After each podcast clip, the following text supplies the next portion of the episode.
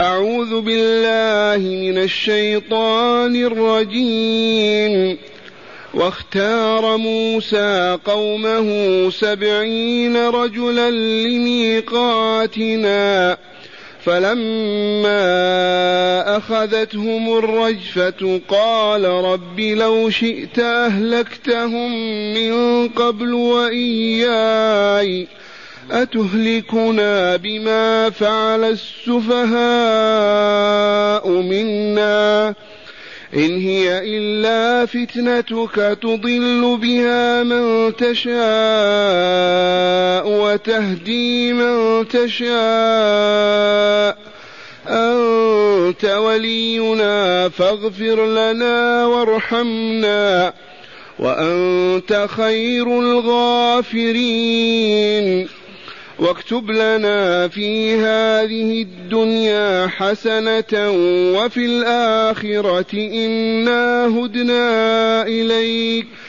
قال عذابي أصيب به من أشاء.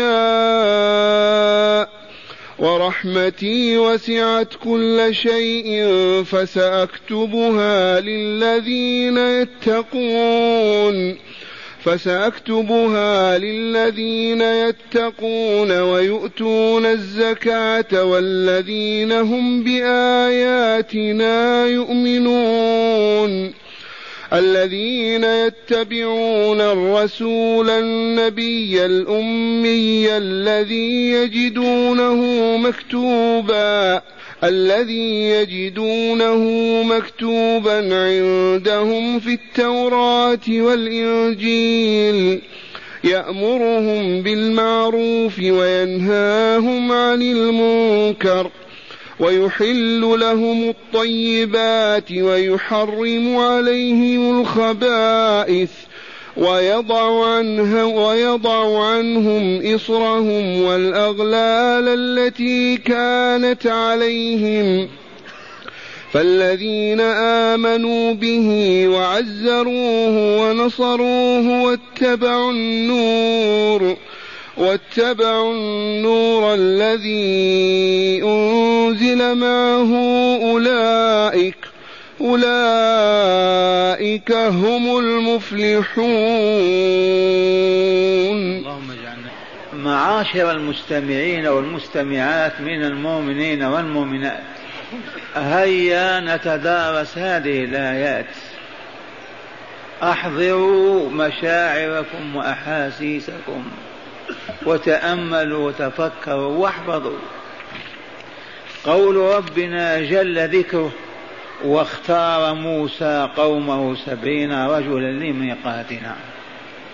لما حدثت تلك الحادثة العظيمة وهي أن عددا كبيرا من بني إسرائيل عبدوا العجل بل أكثرهم عبد العجل مع الله. لما غاب موسى وذهب إلى جبل الطور لمناجاة ربه ليأتي بالدستور الإسلامي ليحكمهم. زين لهم الشيطان عبادة العجل فعبدوه. فجاء موسى في كرب عظيم وحزن وألم وأسف. وأمره ربه بعد أن عاتبهم بعد أن بين لهم الطريق أن يأتيه بسبعين رجلا منهم. إلى جبل الطور ليتوب الله عز وجل عليهم ويقبل توبة إخوانهم الذين تابوا. فاختار موسى من قومه سبعين رجلا. اختيار اختار أصلحهم وأرفامهم وأتقاهم لأنهم لمقابلة الرب جل جلاله وعظم سلطانه. واختار موسى قومه أي من قومه سبعين رجلا لميقاتنا للموعد الذي حدده الله تعالى له. قال فلما أخذتهم الرجفة. وسبب هذه الرجفة هي أنهم لما نزلوا الجبل جاءت غمامة بيضاء غطت الساحة كلها. حتى يسمع موسى كلام ربه ويكلمه. وأخذ موسى يكلم ربه وهم يسمعون. لما فرغ من الكلام قالوا لا نصدق أنك كنت تكلم الله. ما نؤمن أنك كنت تكلم وأن الذي كان يتكلم معك. ولا تعجبوا. الآن بيننا من المؤمنين من يكذب الله ورسوله؟ قالوا أمر فوق طاقته ما هو معقول؟ ما نؤمن. فغضب الجبار عز وجل فأخذتهم رجفة أولا صعقة والأرض من تحت الجبل فماتوا. فبكى موسى. قال ربي لو شئت أهلكتهم من قبل وإياي. أي لو شئت لأهلكتنا في بني إسرائيل الذين ظلموا وفسقوا وخرجوا عن طاعتك. أهلكتهم وأنا. أما اليوم كيف يكون موقفي مع بني إسرائيل؟ يقولون قتل سبعين رجلا منا. ربي لو شئت أهلكتهم من قبل وإياي أتهلكنا بما فعل السفهاء منا؟ أتهلكنا بما فعل السفهاء منا؟ إن هي إلا فتنتك. من هم السفهاء؟ من هم السفهاء؟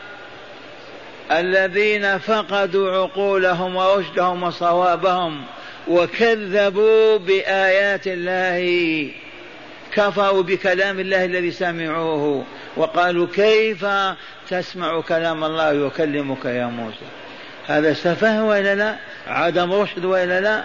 إذا أفتهلكنا بما فعل السفهاء منا؟ سواء الذين عبدوا العجل في أرض بني إسرائيل في تلك القرية أو الذين أنكروا أن موسى كلم الله والله كلمه. ثم قال إن هي إلا فتنتك أي ما هي إلا محنتك وابتلاءك واختبارك لأنك العليم الحكيم. كل هذا الذي تم هو بين ابتلائك واختبارك وفتنتك. تضل بها من تشاء وتهدي من تشاء. وهذا شأن الامتحان والاختبار بالفقر بالمرض بالعز بالذل بكذا. امتحان وابتلاء فقط ليرى الشاكر من الكافر والموحد من المشرك والصحيح من المريض. دي كلها ابتلاءات واختبارات. ما هذا الذي حصل من إماتة هؤلاء؟ إلا هي فتنة منك واختبار لنا. تضل بها من تشاء وتهدي من تشاء. ثم قال أنت ولينا ليس لنا ولي سواك. ذي كلمة موسى الكليم لربي أنت لا غيرك ولينا الذي يتولى أمرنا ونتولاه بحبه بعد الإيمان به وطاعته. أنت ولينا فاغفر لنا وارحمنا وأنت خير الغافرين. ذي كلمة موسى ولا لا؟ فيها ضرب من التوسل بكلمة وأنت خير الغافرين. فاغفر لنا وارحمنا. اغفر ذنبنا واستره ولا تواخذنا به. وارحمنا بعد ذلك. وتوسل إلى الله بقوله وأنت خير من يغفر. أنت خير الغافرين. والغفران ستر الذنب وعدم المطالبة به. وأنت خير الغافرين. ثم قال وهو يكلم ربه واكتب لنا في هذه الدنيا حسنة وفي الآخرة. اكتب لنا في هذه الدنيا حسنة. ما حسنة الدنيا يرحمكم الله؟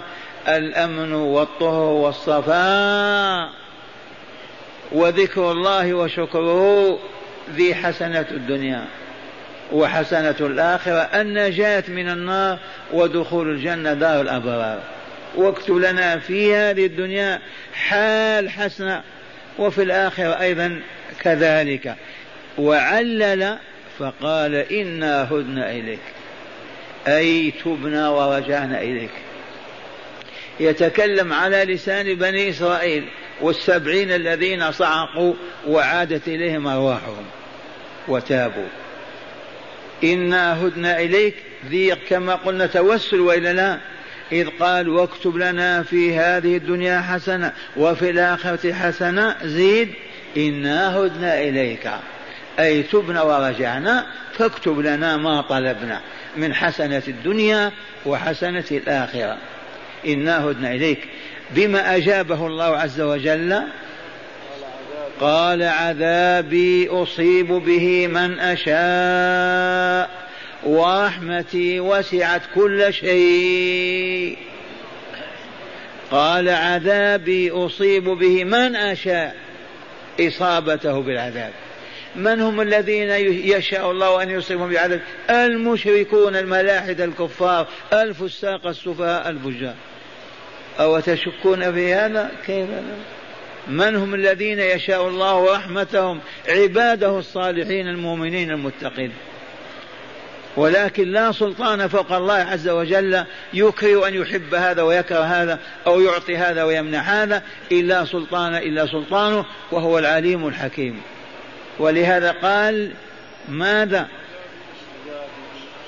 عذابي أصيب به من أشاء ورحمتي وسعت كل شيء. لطيفة خذوها. لما نزلت هذه الآية صفق إبليس وزغرد وقال إذا أنا شيء من الأشياء. طامعة قال أنا من الأشياء. ما دام وسعت كل شيء أنا شيء من الأشياء. إذا فلا عذاب علي يوم القيامة. فأبطل الله دعواه بقوله فسأكتبها. سأكتب تلك الرحمة. وأسجلها لمن يستحقها. ما هو لإبليس وإخوانه وجماعته وحزبه. سأكتبها لمن؟ للذين يتقون أولا. يتقون يرحمكم الله. ماذا؟ الفقر المرض الأعداء ذا يتقى ولا؟ الحر البرد هذا يتقى ولا لا؟ يتقى. هل المراد يتقون هذا؟ المراد بالتقوى تقوى الله عز وجل. يخافونه يرهبونه فلا يقدرون على معصيته. إذا أمر فعلوا وإذا نهى تركوا. أولئك المتقون. وفي نفس الوقت ضمان إلهي أن من آمن واتقى تولاه الله ووقاه كل مكروه ونجاه من كل الأتعاب والآلام في الدنيا. إذ قال ألا إن أولياء الله لا خوف عليهم ولا هم يحزنون. أما الكفر بالله والشرك به والفسق عن أوامر نواهيه ثم تتقي الحر والبرد والفقر والجوع ما تستطيع ولا ينفعك ذلك. فسأكتبها لمن؟ للذين يتقون. كذا الآية. يتقون. عرفتم ماذا يتقون؟ الله كيف يتقون الله؟ يرحمكم الله. كيف يتقون الله؟ يدخلوا في السراديب ها؟ أه؟ يبنون أسوار عالية. يكثرون الجيوش الجرارة ما يصل الله إليهم. هو هذا وباطل. والله ما يتقى جل جلاله العالم كله في قبضته وبين يديه إلا بطاعته فيما أمر به ونهى عنه. ثانيا ويؤتون الزكاة.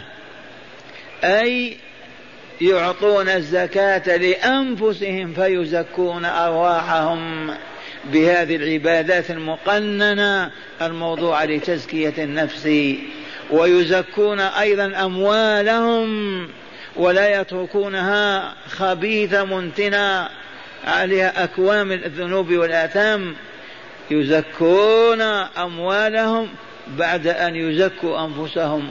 وتزكية المال تزكية للنفس. ثالثا والذين هم بآياتنا يؤمنون. وآيات الله هنا القرآن الكريم والتوراة والإنجيل. والذين هم بآياتنا التي ننزلها على من نصطفي من نشاء من عبادنا ورسلنا يؤمنون بها سواء كانت معجزات أو كانت أحكام وشرائع وقوانين. والذين هم بآياتنا يؤمنون يصدقون تصديقا جازما فلا يكذبون في آية ولا في بعضها لا في حكم ولا في آخر لا في خبر مهما كان جليلا عظيما ولا في أقل شيء. آمنت بالله وبما أنزل الله. زيد الذين يتبعون الرسول النبي الأمي. الآن يا ويل اليهود والنصارى مسحت أسماؤهم بهذا القيد. ولو آمنوا ولو اتقوا ولو زكوا إذا تركوا هذا القيد فلا قيمة لإيمانهم ولا لتقواهم وزكاتهم. الذين يتبعون الرسول الأعظم الرسول الأفخم الأعظم. من هذا الرسول؟ بينه بقوله تعالى النبي الأمي الذي لا يقرأ ولا يكتب. كأنه ما زال في حجر أمه. لا يعرف ألفا ولا باء ولا همزة ولا ياء. هذه من أكبر الآيات. أمي لا يقرأ ولا يكتب. يتفوق في العلم والمعرفة فيعجز البشرية كلها في قول يقوله. عجب. النبي الأمي الذي يجدونه مكتوبا عندهم في التوراة والإنجيل. يجدونه مكتوبا عندهم في التوراة والإنجيل. هذا كعب الأحبار من علماء بني إسرائيل الذين أسلموا. يقول ذكر صفات محمد صلى الله عليه وسلم في التوراة وهي مولده مكة هجرته طابا ملكه الشام أمته الحمادون أمته الحمادون الذين يحمدون الله على كل حال. والله إن أحدنا على فراش الموت كيف حالك يا شيخ؟ الحمد لله. والله الجوع يمزق مصارنا وامعاء كيف حالك؟ الحمد لله. فلهذا صفتكم أيها المسلمون الحمادون. الحمادون الذين يحمدون الله على كل حال إلى أن قال يصلون حيث أدركتهم الصلاة في التوراة هذا يصلون حيث ما أدركتهم ما ينتظرون الكنيسة ولا البيعة البيعة وإلى المسجد حيث أدركتهم الصلاة. هذا ما كان لأمة من الأمم إلا لهذه فقط. يصلون حيث أدركتهم الصلاة صفهم في الصلاة كصفهم في القتال. صفوفهم في القتال كصفوفهم في الصلاة. تشاهدون الصفوف هكذا كذا في القتال هكذا. أيام كان السيف والرمح. أما الآن تغيرت الأحوال. الآن أجبن الجبناء يستطيع يمسك بصاروخ. لكن المواجهة كانت في الدهر الماضي. إذا قال الذين يتبعون الرسول النبي الأمي الذي يجدونه مكتوبا عندهم في التوراة والإنجيل يامرهم بالمعروف وينهاهم عن المنكر يأمرهم بالمعروف إذا تركوه وينهاهم عن المنكر إذا فعلوه وهنا هل المسلمون فعلوا هذا؟ ما بلغنا أن دارا من ديارنا ولا إقليم من أقاليمنا أوجدوا هيئات للأمر بالمعروف والنهي عن المنكر واعتاضوا عنها بالبوليس والبوليس في يد العصا والصفة والسجارة في يده. سب الله أكفر افعل كذا ما يبالي. هذا يأمر بالمعروف وينهى عن المنكر. ثم لولا العمى والهبوط أوجد الله هذه الدولة على يد عبد العزيز رحمه الله تعالى. ورضي عنه. لا تقول ورضي. دعونا الله أن يرضى عنهم. لا تنظر إلي. بعض يقول لا أقول غفر الله له فقط. هذا دعاء. فوضع في كل قرية من قرى هذه المملكة المتنائية المتباعدة في كل مدينة هيئات الأمر بالمعروف والنهي عن المنكر. ومن أراد أن ينظر آثارها إذا أذن المؤذن هل يجد دكانا مفتوحا؟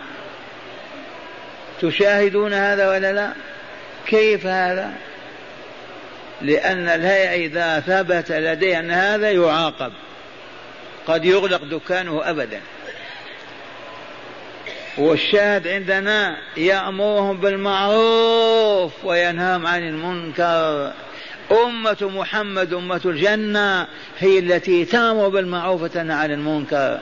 أما أن نشاهد المناكي في قرانا في مدننا والأباطيل والترهات والشركيات والخرافات والزنا والربا والجرائم كلها ونحن مسلمون. هل ينتظم هذا اللفظ معنا؟ ندخل فيه. أصبحنا كاليهود والنصارى. سواء بسواء.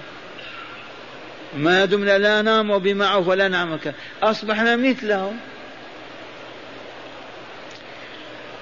قال يأمرهم بالمعروف وينهاهم عن المنكر ويحل لهم الطيبات ويحرم عليهم الخبائث. إذ حرم الله عز وجل على بني إسرائيل وعلى المسيحيين عقوبة لهم أشياء وأباحها في كتاب على لسان رسوله. وكانت عبادات كالأغلال في الأعناق شديدة قاسية. على سبيل المثال في التوراة أن من قتل لا تقبل منه لا تقبل منه دية ولا عفو يجب أن يقتل. لا عفو ولا دية. في الإنجيل من قتل لا يأخذ دية ولا يقص له. يجب أن يعفو. هذا نوع فقط. النجاسة في الثوب يجب أن يقطع ذاك المكان مكان النجاسة. عهود أخذها الله عليهم كالأغلال في أعناقهم. آثار ثقيلة ما يطيقونها. جاء الله بمحمد صلى الله عليه وسلم فنسخ ذلك كله وأبطله. رحمة بعباده. سبحان الله. يحل لهم الطيبات فكل طيب حرموه أحله الله لهم. وكل خبيث أحلوه حرمه الله تعالى عليهم. هذه رحمة الله عز وجل. حرم علينا من الخبائث ماذا؟ اللواط الزنا الربا الخداع الغش الخمر الحشيشة. كل هذه الأباطيل محرمة وإلا لا. وأحلنا الطيبات السمن والعسل واللحم الطيب. وحرم علينا أشياء كالمخنوق أو كالدم. المسفوح وما إلى ذلك. هذه رحمة الله عز وجل. سببها هذا النبي الخاتم صلى الله عليه وسلم. قال ويضع عنهم إصرهم والإصر هو العهد الثقيل الذي صاحبه كالحمل الثقيل ما يستطيع أن يتحرك. والأغلال كالتي في العنق سلاسل. التي كانت عليهم أي في عهد بني إسرائيل وفي عهد المسيح في اليهود والنصارى. قال تعالى اسمع هذا الخبر. فالذين آمنوا به. من هو هذا؟ محمد صلى الله عليه وسلم. أين هو؟ يرحمكم الله. هناك. هذا مسجده. بلى هذه مدينته. هذا موطن هجرته. أي نعم. الحمد لله. الحمد لله. لا تستطيع أن تحلف أن هذا القبر فيه نبي فلان وفلان. قط. إلا قبر محمد صلى الله عليه وسلم. احلف ألف يمين ما تحنث. وهذه آية أخرى. أين الأنبياء؟ أين الرسل؟ مئة ألف وأربع وعشرين ألف. هل في قبر تثق وتقول هذا زكريا أو يحيى؟ ما في. ولكن الله حفظ هذا. احلف بالله إن هذا لقب محمد صلى الله عليه وسلم. وجثمانه الطاهر به. قال فالذين آمنوا به أي بمحمد صلى الله عليه وسلم نبيا ورسولا وعزروا والتعزير تعرفونه الهيئة تعزر الشخص أو الشرطة إذا فجر أو كذا. ما هو هذا التعزير؟ هنا التعزير القوة والنصر عزروه نصروه وأيدوه ووقفوا إلى جنبه تأييدا له. عزروه ونصروه واتبعوا النور الذي أنزل معه. ما النور الذي أنزل مع محمد صلى الله عليه وسلم؟ والله لا القرآن. القرآن نور. أي بلى الذين يقرؤون ويفهمون ويعملون به والله لا يعيشون في النور. فلا يمكن أن يقعوا في جريمة ولا باطل ولا شر ولا خيانة ولا كذب ولا فساد وهم يمشون في النور. لكن فاقد هذا النور يتخبط وإلا لا؟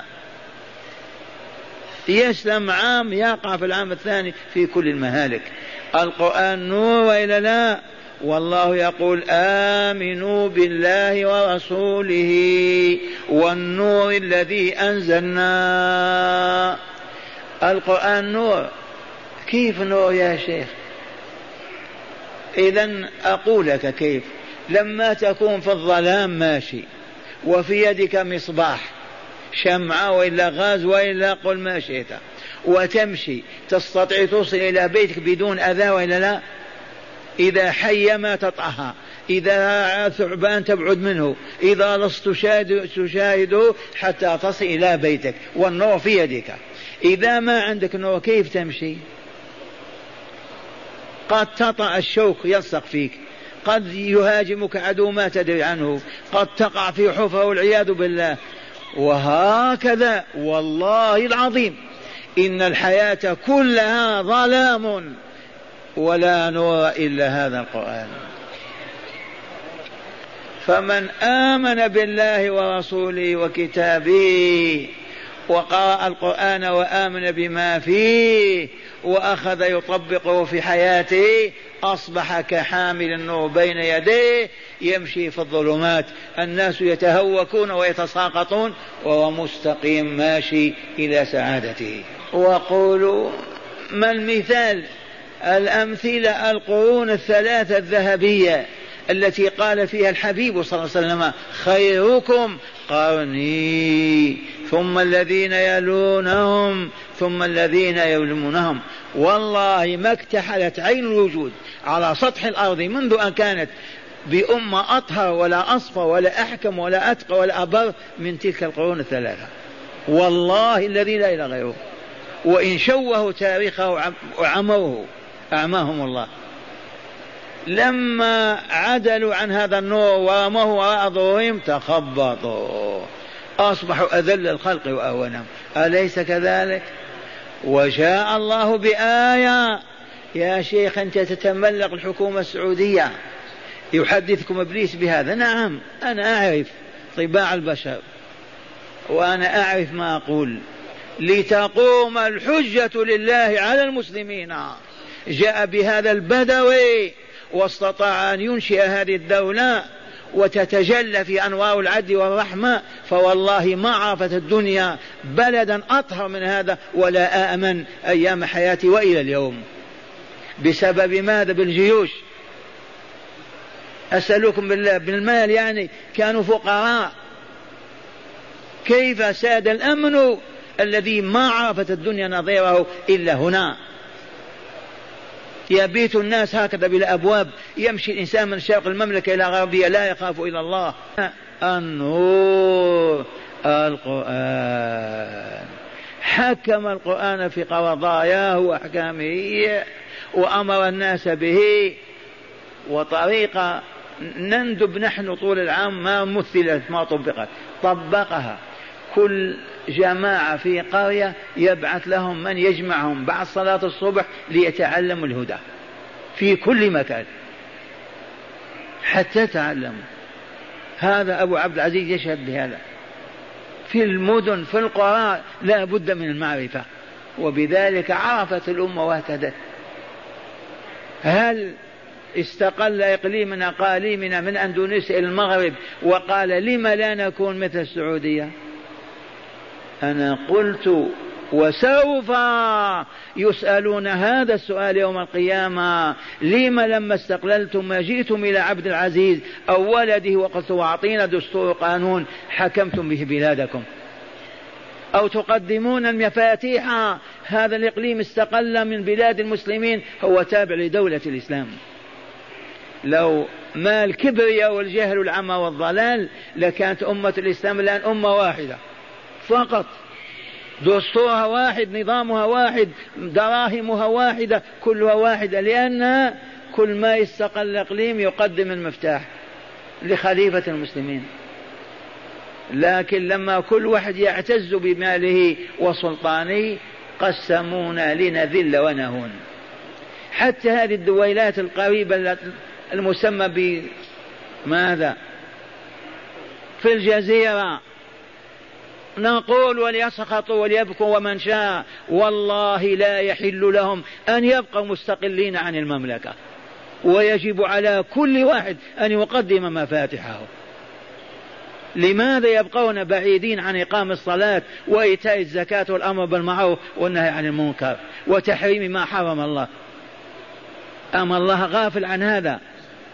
إنهم تحت النظارة. إن ربك لبالمرصاد. سمعتم هذا الكلام وإلا أنا أتحمل مسؤوليته.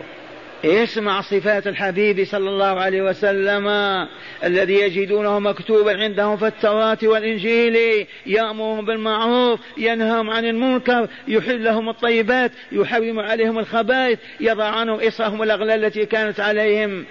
وأخيرا فالذين آمنوا به وعزروا ونصروا واتبعوا النور الذي أنزل معه أولئك هم لا غيرهم المفلحون.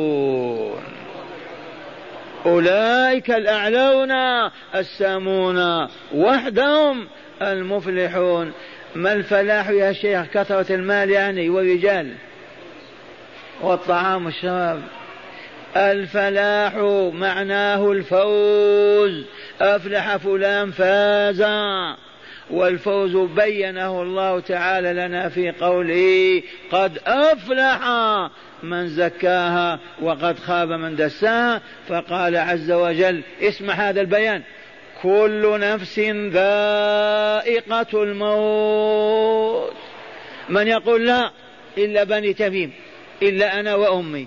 في من يقول ينقض هذا الحكم؟ إذا كل أحكام الله ما تنقض. كل نفس ذائقة الموت. وإنما توفون أجوركم أيها العمل يوم القيامة. هذه الدار ما هي دار جزاء أبدا دار عمل. وإنما توفون أجوركم يوم القيامة. كيف؟ فمن زحزح عن النار وأدخل الجنة فقد فاز. فمن زحزح عن النار هكذا وأدخل الجنة هكذا فقد فاز. وما الحياة الدنيا إلا متاع الغرور. والله تعالى أسأل أن ينفعنا بما ندرس ونسمع. هداية الآيات هيا. ننظر هل استفدنا وإلا لا. اسمع. كل آية لها هداية ولا لا؟ كل علامة في الطريق. تدلك على بيتك ولا لا؟ كل آية هداية. وما سميت آية. آية إلا لأنها علامة على الطريق السوي. أولا وجوب التوبة من كل ذنب. ومشروعية صلاة ركعتين. وسؤال الله تعالى عاقبها أن أن عقبها أن يقبل أن تقبل توبة التائب ويغفر ذنبه. من أين عرفنا وجوب التوبة؟ ماذا قال موسى؟ ربنا إنا هدنا إليك ولا لا؟ موسى الكليم أعلن عن توبته ونحن ما نعلنها. وخاصة التوبة النصوحة الصادقة توضأ وصلي ركعتين وعاهد ربك ألا تعود للذنب. ثانيا كل سلوك يتنافى أو ينافي الشرع فهو من أسفه المذ... من السفه المذموم وصاحبه قد يوصف بأنه سفيه. كل سلوك قول عمل بيع شراء أخذ عطاء يتنافى مع الشرع فهو من السفه وصاحبه مذموم. من أخذنا هذا؟ إلا من سفه نفسه. أتدركنا بما فعل السفهاء منا؟ ثالثا الهداية والإضلال كلاهما بيد من؟ بيد الله تعالى. فعلى العبد إذن أن يطلب الهداية من الله ويسأله ألا يضل. الليل والنهار لا يفارق لسانك اللهم اهدني فيمن هديت. رابعا رحمة الله تعالى بأمة محمد صلى الله عليه وسلم. لا تنال لا تنال اليهود ولا النصارى ولا غيرهم. في شرط ولا لا؟ ورحمتي وسعت كل شيء. اليهود والنصارى والشياطين كلهم دخلوا. أخرجهم الله بماذا قال؟ فسأكتبها للذين يتقون ويؤتون الزكاة. والذين هم بآياتنا يؤمنون إلى آخر الآية. فهل يدخل في هذا اليهود والنصارى والمشركون؟ ما يدخلون. مرة ثانية. قال رحمة الله تعالى بأمة محمد صلى الله عليه وسلم خاصة فلا تنال اليهود ولا النصارى ولا غيرهم. خامسا بيان شرف النبي محمد صلى الله عليه وسلم وأمته. بيان شرفه منين أخذناه في الآية؟ الذين يتبعون الرسول النبي الأمي الذي يجدون مكتوبا. مكتوب في التوراة والإنجيل هذا شرف وإلا لا؟ إذا كتب اسمك في جريدة تنتفخ. واه فكيف بالتوراة والإنجيل؟ الله أكبر. سادسا بيان فضل تزكية النفس. يا عباد الله كيف تزكون أنفسكم؟ بالماء والصابون أه؟ في عطورات خاصة. حمامات ممتازة. بما تزكى النفس؟ قولوا بالإيمان والعمل الصالح. صلاة ركعتين تفعل العجب في نفسك. تحيلها إلى كتلة من النور. صدقة من قلب مؤمن ويد طاهرة. في قلب مؤمن تحيل نفسك إلى كتلة من النور. اجتنابك لمعصية. بعدما أقبلت عليها وتركتها لله تحول نفسك إلى كتلة من النور. قال بيان فضل تزكية النفس بالعمل بعمل الصالحات وإبعادها عن المدسيات من الذنوب والآثام. قال سابع الهدايات بيان فضل التقوى والأمر بالمعروف والنهي عن المنكر. بيان فضل التقوى وإلا لا؟ والأمر بالمعروف والنهي عن المنكر. فسأكتبها الآية.